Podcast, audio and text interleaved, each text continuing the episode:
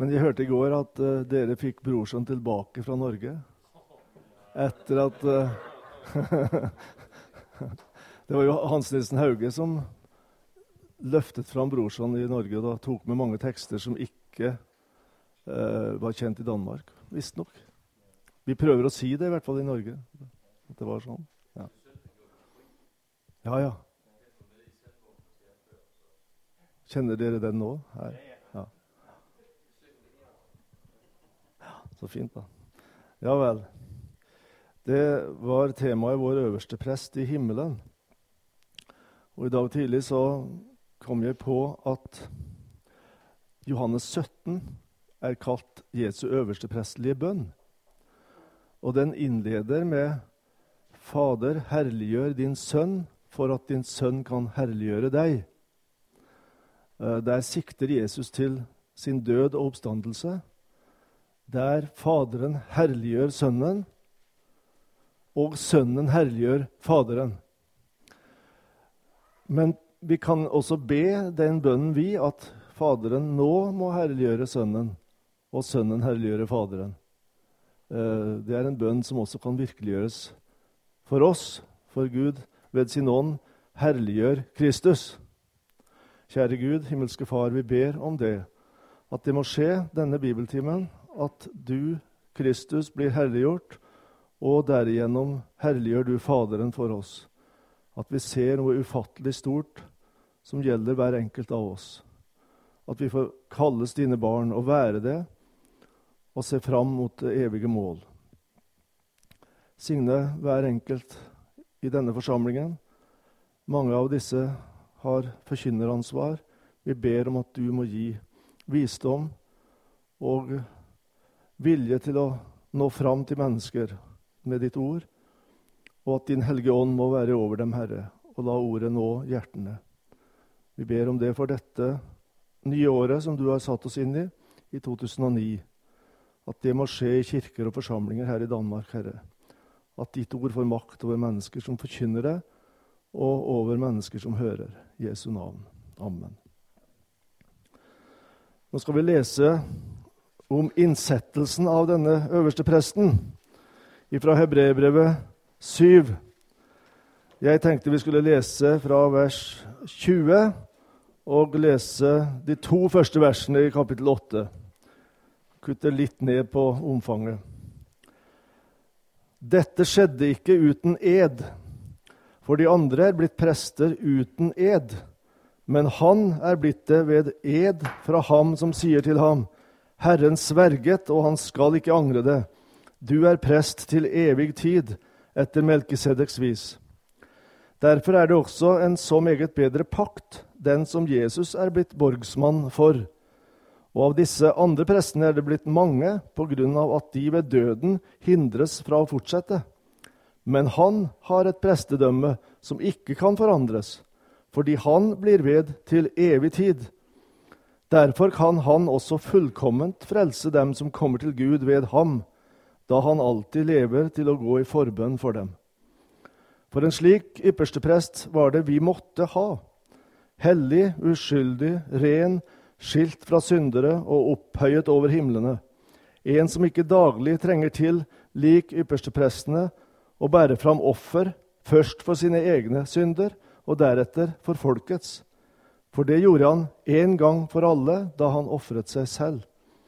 For loven innsetter skrøpelige mennesker som ypperste prester. Men edens ord, som kom etter loven, innsetter Sønnen, han som er blitt fullendt for all evighet. Men en hovedsak ved det vi her taler om, er dette vi har en slik ypperste prest, som satte seg ved høyre side av majestetens trone i himlene, en som gjør prestetjeneste ved helligdommen, det sanne tabernakel som Herren har reist, og ikke et menneske. Vi har tre punkter i dag, og de er veldig enkle. Det første er vi måtte ha en øverste prest. Det var helt nødvendig.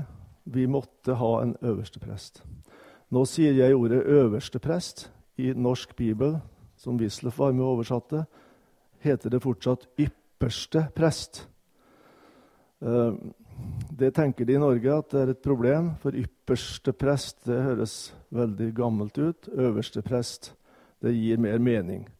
Men det er en, et aspekt ved ypperste prest som eh, i språket signaliserer ikke bare øverst i rang, men best av kvalitet. Ypperste av ypperste merke. Eh, så om vi har ordet 'øverste prest' som eh, uttrykk eller oversettelse i mange bibelutgaver, så går det an å spille litt på uttrykket 'ypperst'. For han er ikke bare den høyeste prest, han er også den beste. Men ordningen med øverste prester er fullstendig ukjent for de fleste.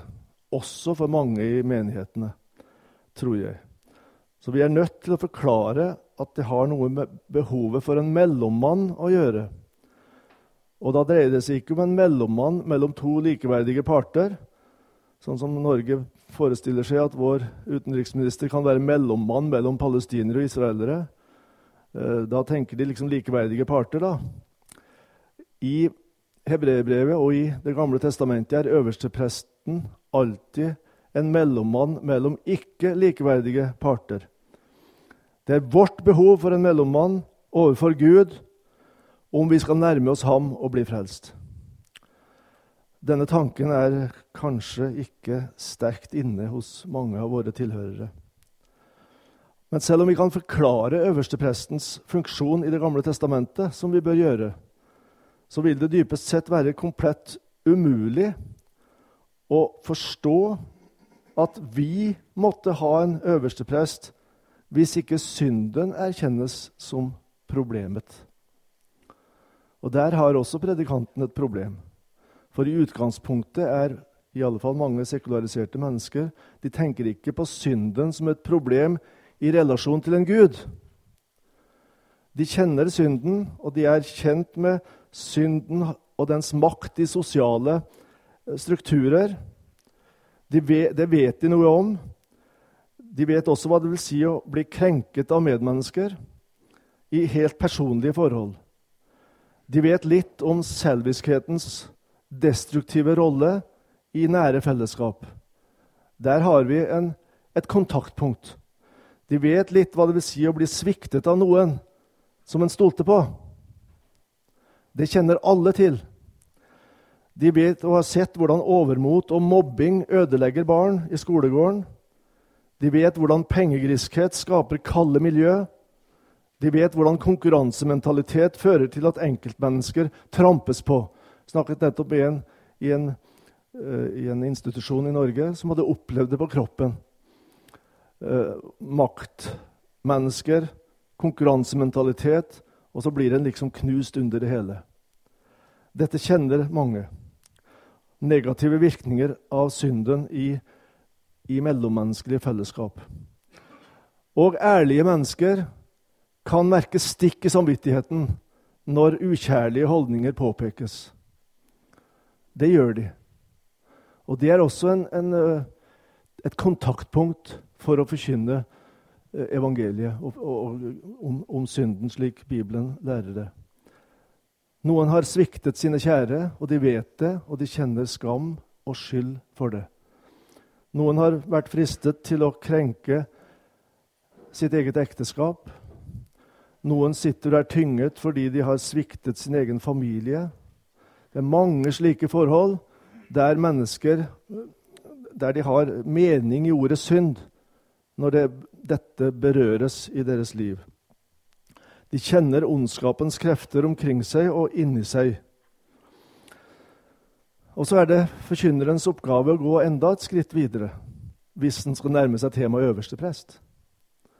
Og det må bli å berøre en større kontekst der vi har med en Gud å gjøre, som har skapt oss, og som vil verne om mennesket.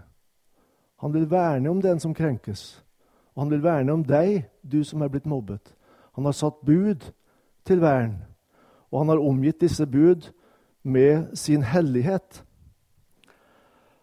Han blir vred når hans livslover krenkes. Han har satt ordninger inn i livet til vårt beste, og han vil håndheve disse ordningene.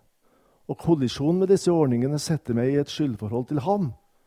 Og hver gang jeg synder mot en, et medmenneske, krenker jeg Gud i hans hjerte, som elsker det medmennesket. Sånn er det jo også i mellommenneskelige forhold at den som krenker et barn, krenker mor og far. Og han sier du skal frykte og elske Gud. Det er en ryggrad i livet til vern om det gode i menneskelig fellesskap også. Dette setter hele livet vårt i relieff, og i møte med Gud blir da synden for alvor synd. Krenkelse av Ham som er livets skaper og herre. Nå er ikke dette ukjent for alle heller. Det ligger fortsatt mye igjen av denne måten å tenke på, at vi har ansvar overfor en Gud, både i Norge og Danmark. Ehm, og Noen tenker fortsatt skal jeg ha det rett i mitt forhold til Gud. Da må jeg holde mål overfor lov og bud, som da han har gitt. På en eller annen måte må jeg veie mitt liv i forhold til hans krav. Dette ligger hos mange i måten å tenke på om det religiøse.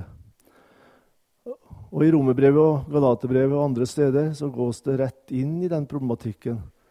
Lovgjerninger. Og så radikalt sier apostelen det at holder du deg til lovgjerninger, er du under Guds forbannelse. Fordi du ikke holder ved ved alt. Eh, jeg tenkte i første omgang dette uttrykket i hebreerbrevet loven førte jo ikke noe til fullkommenhet. Eh, der er allikevel poenget de gammeltestamentlige ordninger om ofringer førte ikke noen til fullkommenhet. Der brukes ordet 'loven' i betydningen Guds ordninger for, for tempeltjenesten. Det er ofte meningen når ordet 'loven' brukes i hebreerbrevet. Og Allikevel ligger samme tanke bak.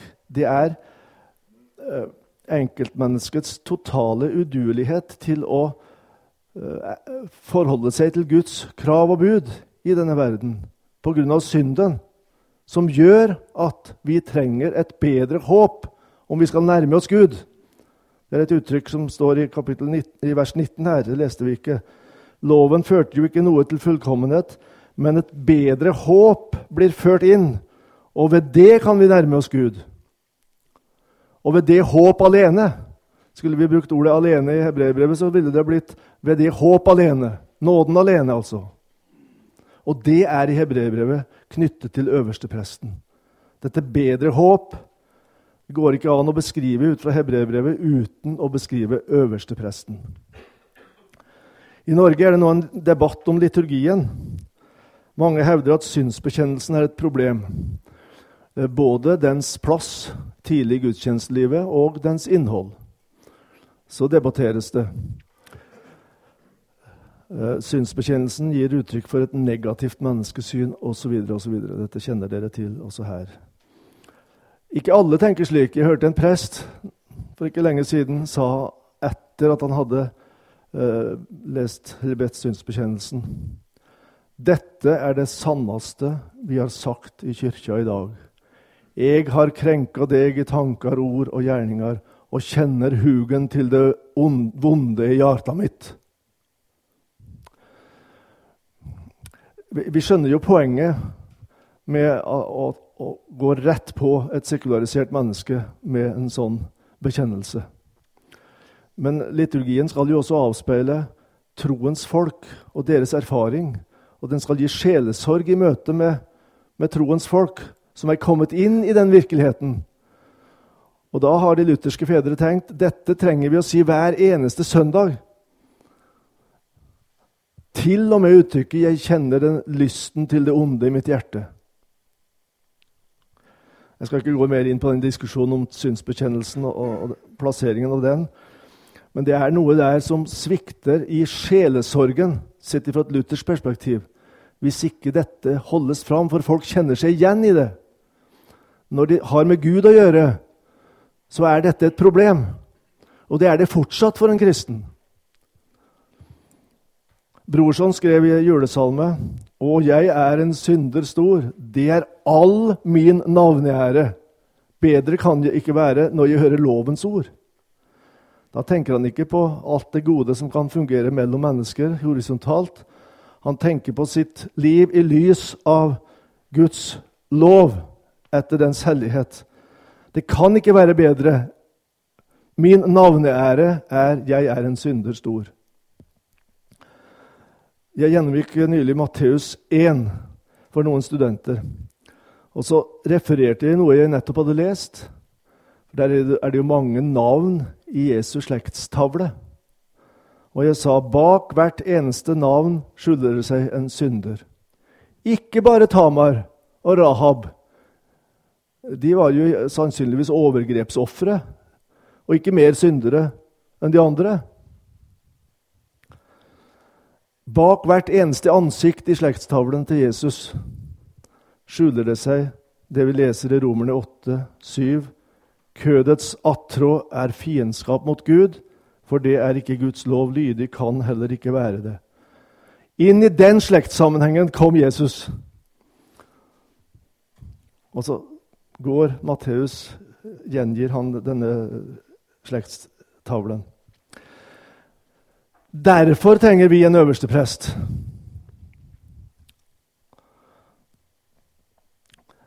Det håp vi har å klamre oss til, er knyttet til øverstepresten. Vår egen rettferdighet, vår egen forbedring, når ikke fram. Et bedre håp må innføres. Simpelthen absolutt nødvendig.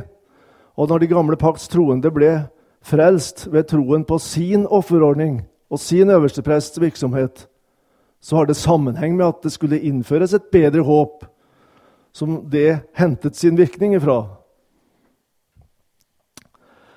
Det var punkt én. Vi må ha en øversteprest. Punkt to øversteprestens kvalifikasjoner.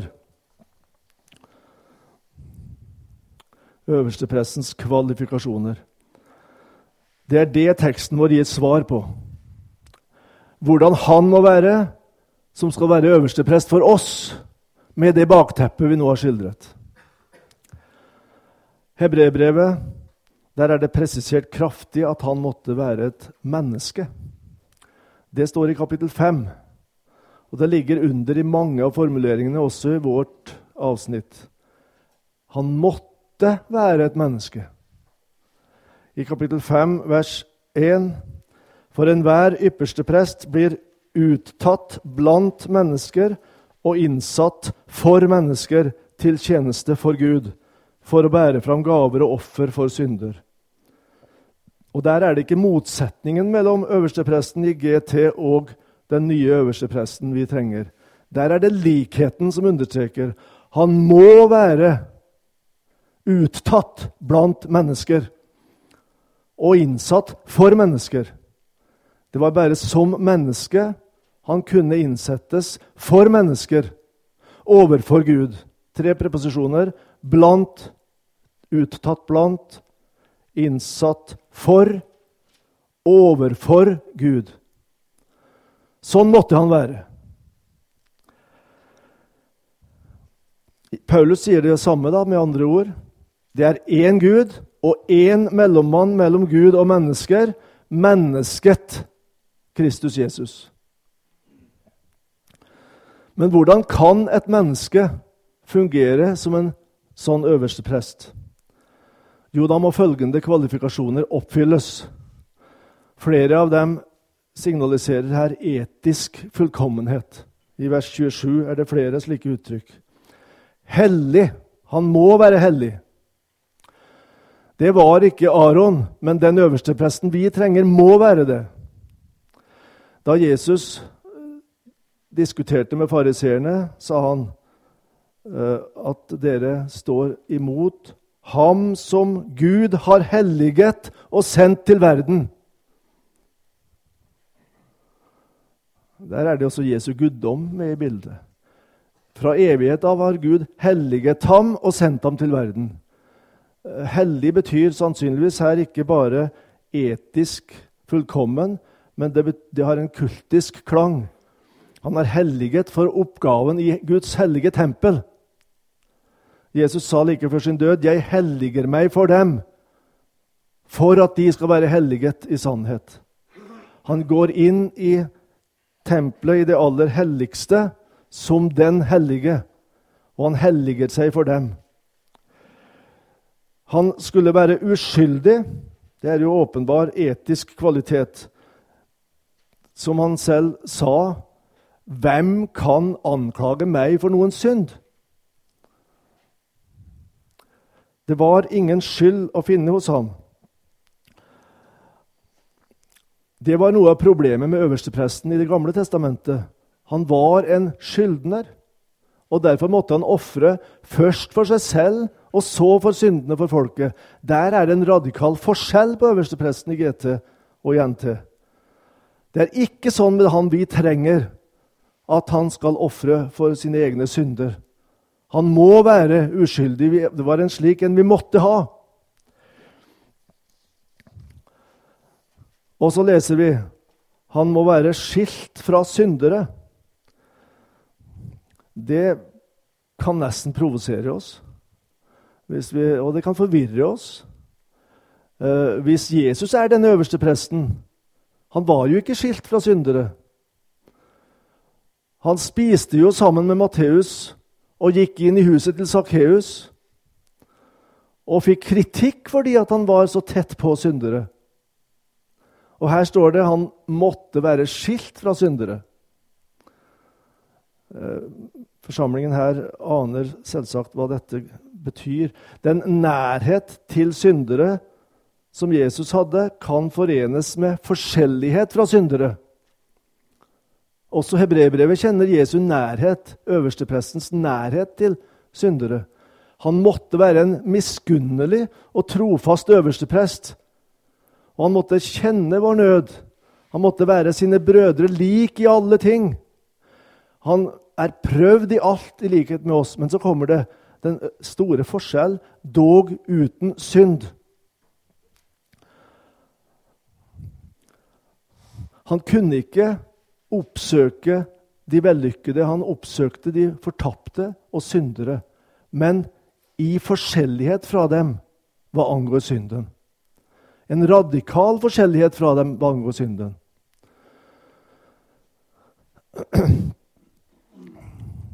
Han kan ikke være smittet av synden, for han skulle selv være lyteløs. Og Der bruker hebreerbrevet uh, en link tilbake til offerlammet, offerdyret, som skulle være uten lyte. Dere vet hva lyte er? Ja. Feil. Mangler. Ja. Vår øversteprest måtte, liksom offerlammet, være uten lyte. Og det skildres her ikke bare kultisk, men etisk. Uten lyte. Ham som ikke visste av synd, sier Paulus. Det er jo samme motiv også i Paulusbrevene.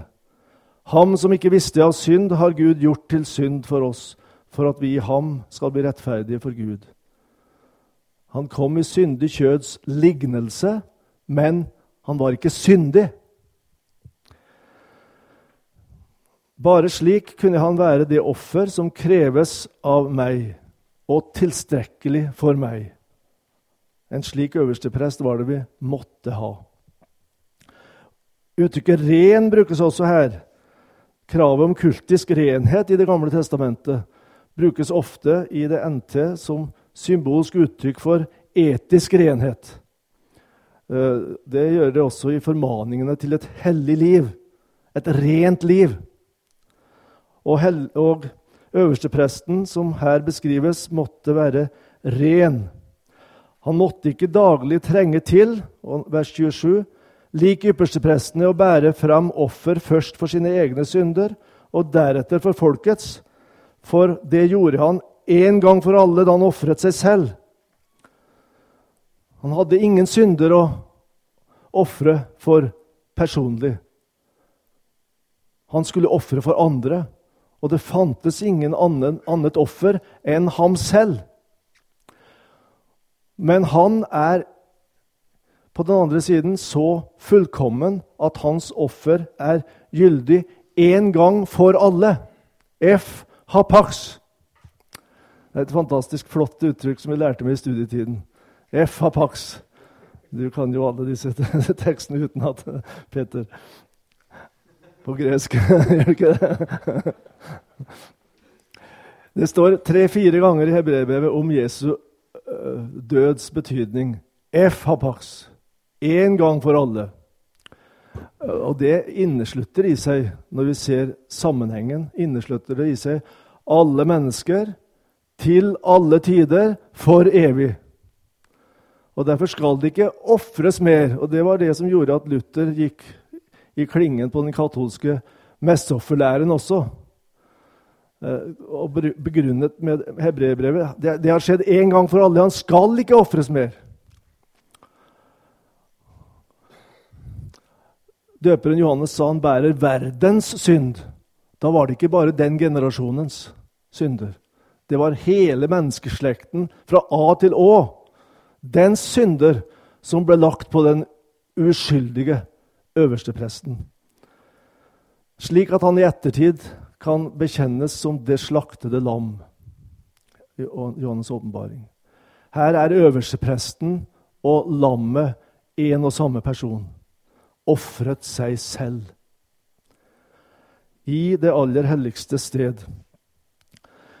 Så heter det i forlengelsen han måtte være opphøyet over himlene. Det er i vers 26, siste uttrykket der. Det innebærer at vi trenger vår øversteprest der, i det himmelske tempel, ved Faderens høyre hånd. Der må vi ha ham. Vi må være sikre på at han er der, og at han er slik som han beskrives. Ingen må kunne problematisere hans posisjon der i det himmelske.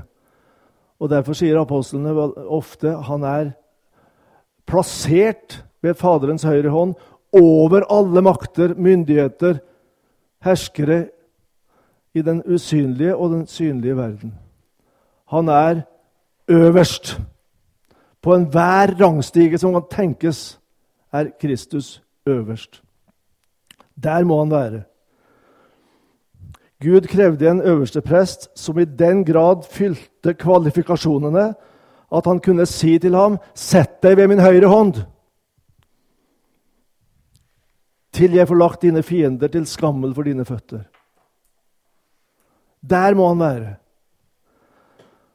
Og Gud måtte kunne erklære om denne øverste presten du er prest til evig tid, etter Melkisedeks vis. Kravene til øverstepresten overstiger nemlig også på dette punkt øverstepresten i Det gamle testamentet. Og det gjøres et nummer av at Jesus ikke kom av Levis stamme. Det er et annet øversteprestdømme Jesus har. Forskjellen på Aron og Jesus blir like sterkt markert som likheten.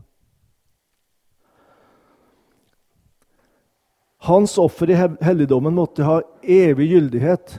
Det måtte ikke være omskifte fra generasjon til generasjon. Aron døde, og hans sønn ble ny øversteprest og måtte gjennom samme prosessen.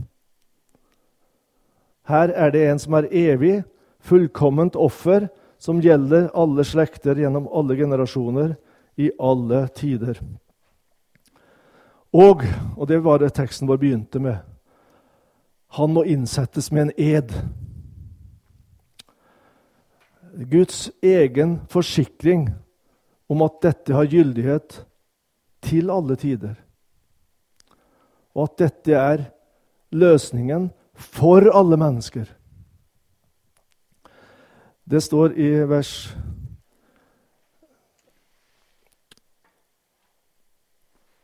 Ja Vers 21. Loven innsetter skrøpelige mennesker som ypperste prester.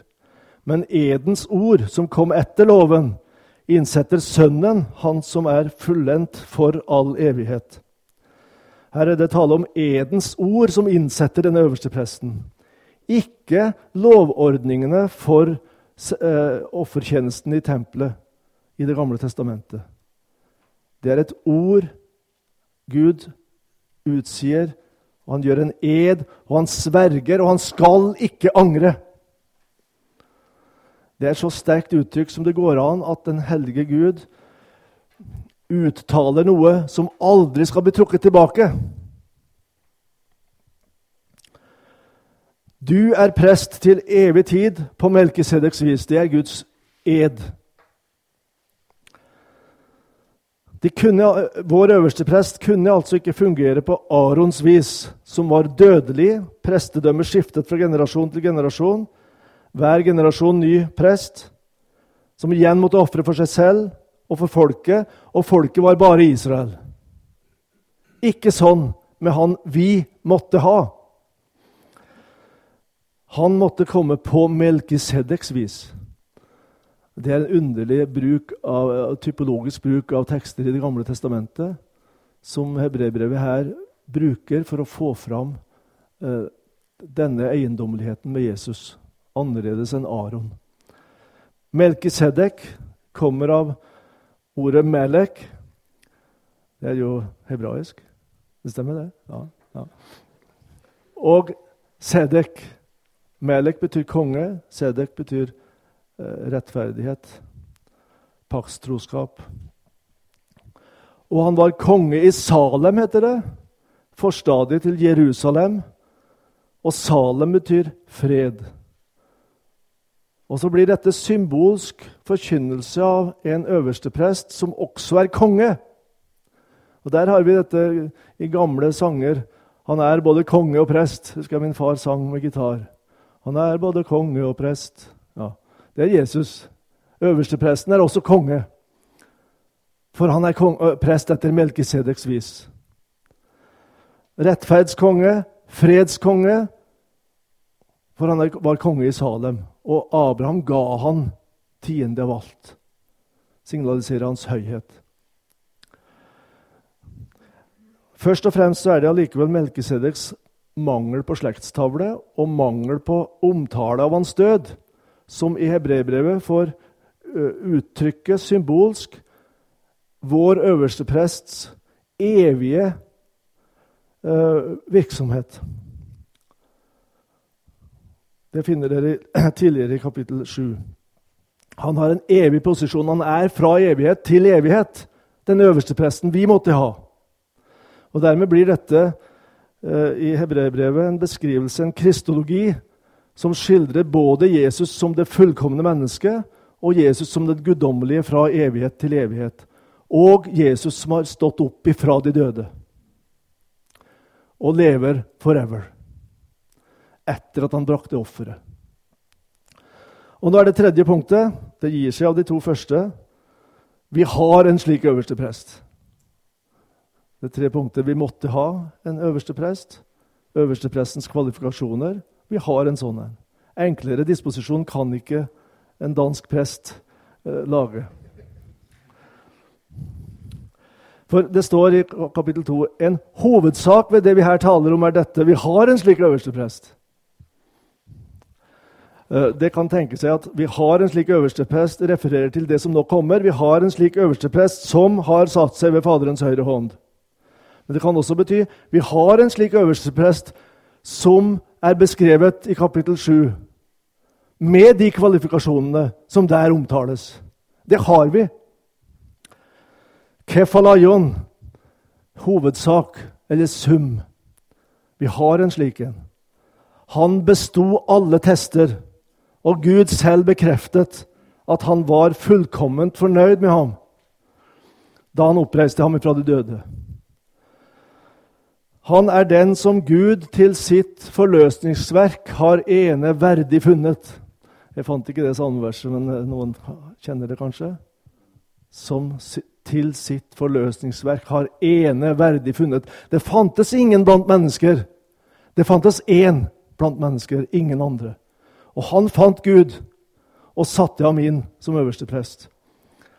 Birgitte Boje, som da har falt ut av danske salmeboken, hun skrev et påskens høytidsvers som brukes påskedag i kirkene i Norge, om Guds bekreftelse av Kristi offer.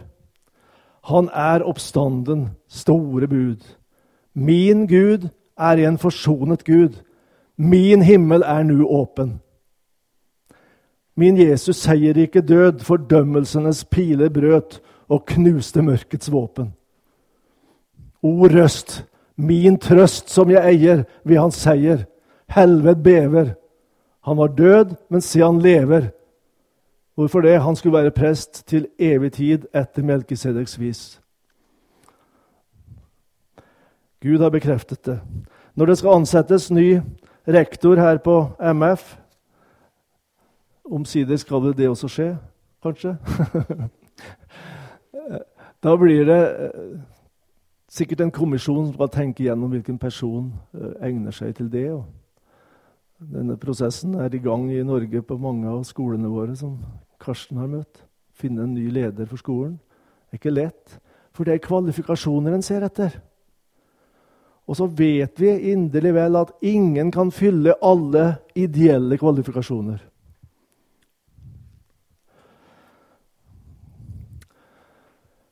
Lovens ord innsatte skrøpelige mennesker, leste vi. Jeg var rektor på Fjelløy noen år, og det, det der, der, passet veldig bra. Det var ikke lovens ord da som innsatte meg, det var det ikke. men det var skrøpelige mennesker. Sånn har det vært. Og sånn vil det alltid være. Men edens ord innsatte Sønnen, han som er fullendt for all evighet.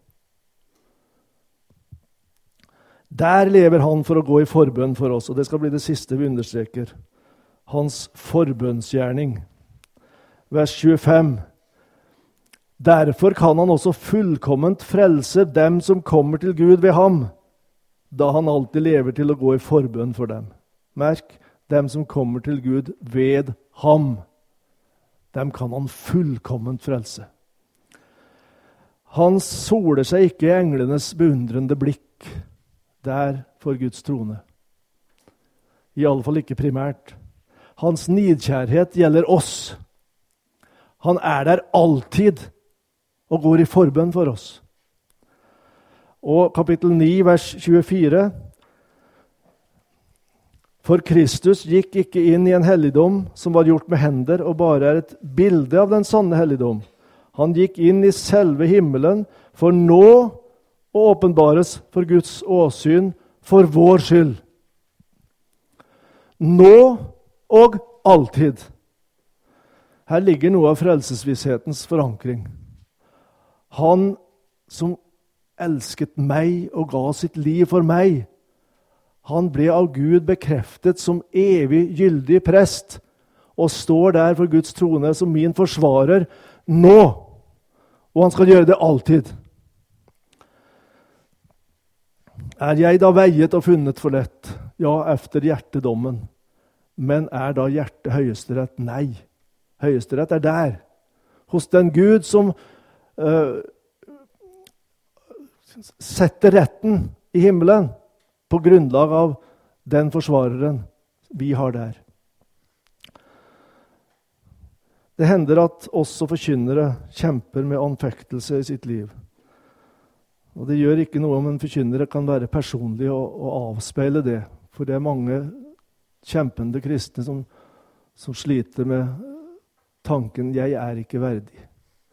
Jeg blir aldri bedre. Jeg har sviktet. Jeg kjenner på Ja, den onde lyst i mitt hjerte. Gjennom livet. Og noen ganger blir det knall og fall. Og det blir det også for forkynneren.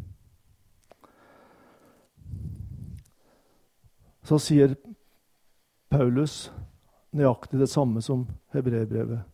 Hvem er den som fordømmer? Kristus er den som er død.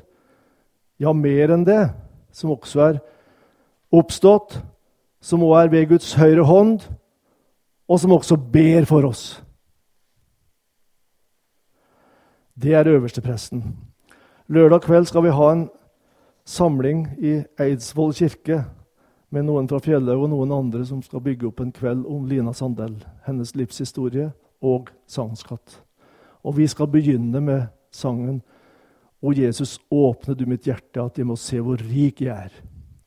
Og Der er andre verset. Hun, hun, hadde lært av sin far, Jonas Sandell. Det er kanskje en av de viktigste grunnene til at det er sånn teologisk dybde i hennes sanger. Jeg har en broder ved Guds side som alltid treder fram for meg. Den gamle oversettelsen nå står det 'Jeg har en bror som ved Guds side vet om min sak og ber for meg'. Uttrykket 'treder fram' det er rettsspråk. Han trer fram for Gud, den naglemerkede Kristus. Og da er min sak god. Jeg har en sånn en ved, ved Guds trone. Og Det er bakgrunnen også for at hun kan ha denne fantastiske trygghet i sangene sine. Blott en dag, et øyeblikk i sender. Ingen er så trygg i fare som Guds lille barneskare. Vi har en Kristus ved Faderens høyre hånd, vår øverste prest. Amen.